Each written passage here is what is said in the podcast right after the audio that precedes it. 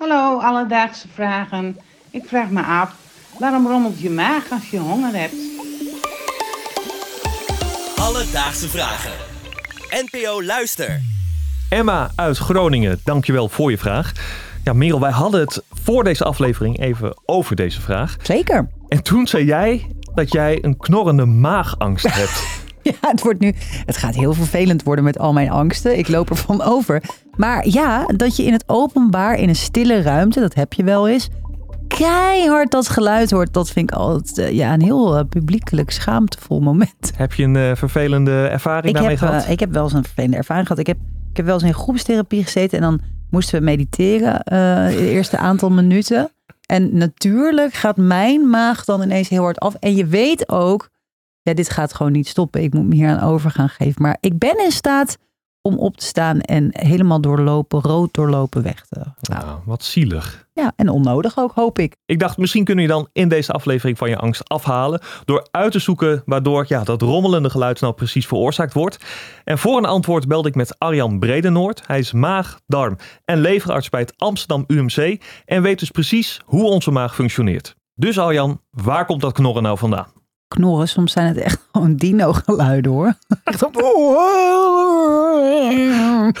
Eh, de maag en de darmen die werken samen met ehm, eh, de klieren van het spijsverteringssysteem, de galblaas, de alvleesklier. En die hebben in, in feite twee standen. De stand van ehm, als er voedsel in zit, waarbij ze dan het voedsel vermalen en ehm, langzaam voortstuwen, verteren en opnemen. En er is een tweede stand en eh, die gaat aan als de darmen bijna leeg zijn of als er geen voedsel meer in zit. En dan gaan de maag en de darmen eh, de restjes en de bacteriën die er nog in zitten eh, wegwerken. Dan gaat de, de maag en de darmen gaan heel erg sterk knijpen. En alle klieren maken heel veel sappen aan. En daarmee duwen ze en spoelen ze alle restjes en bacteriën weg. En dat krachtige knijpen, dat kan je wel eens horen als rommelen. Dus het is niet per se zo dat de maag knort, maar eigenlijk is het de maag en de darmen samen.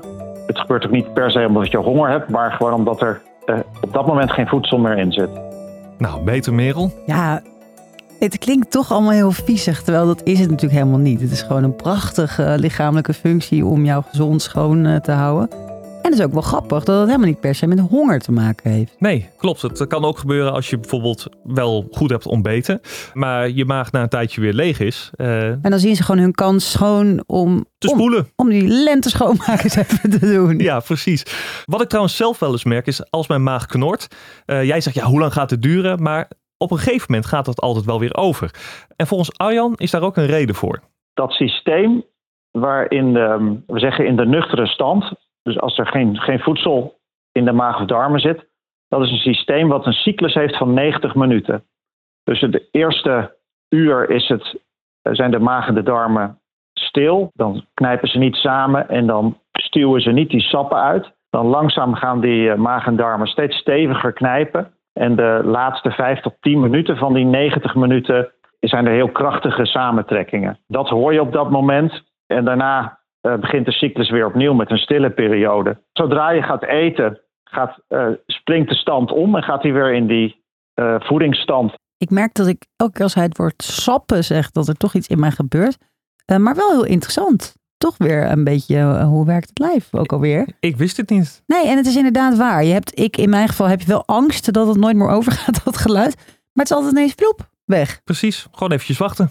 Toch nog heel even over dat, over dat honger en een lege maag. Want ik merk wel ook dat ik maak die koppeling ook snel. Dus als ik mijn maag hoor knorren, dat ik dan toch ook denk, ik moet naar de kantine, want blijkbaar moet ik wat eten.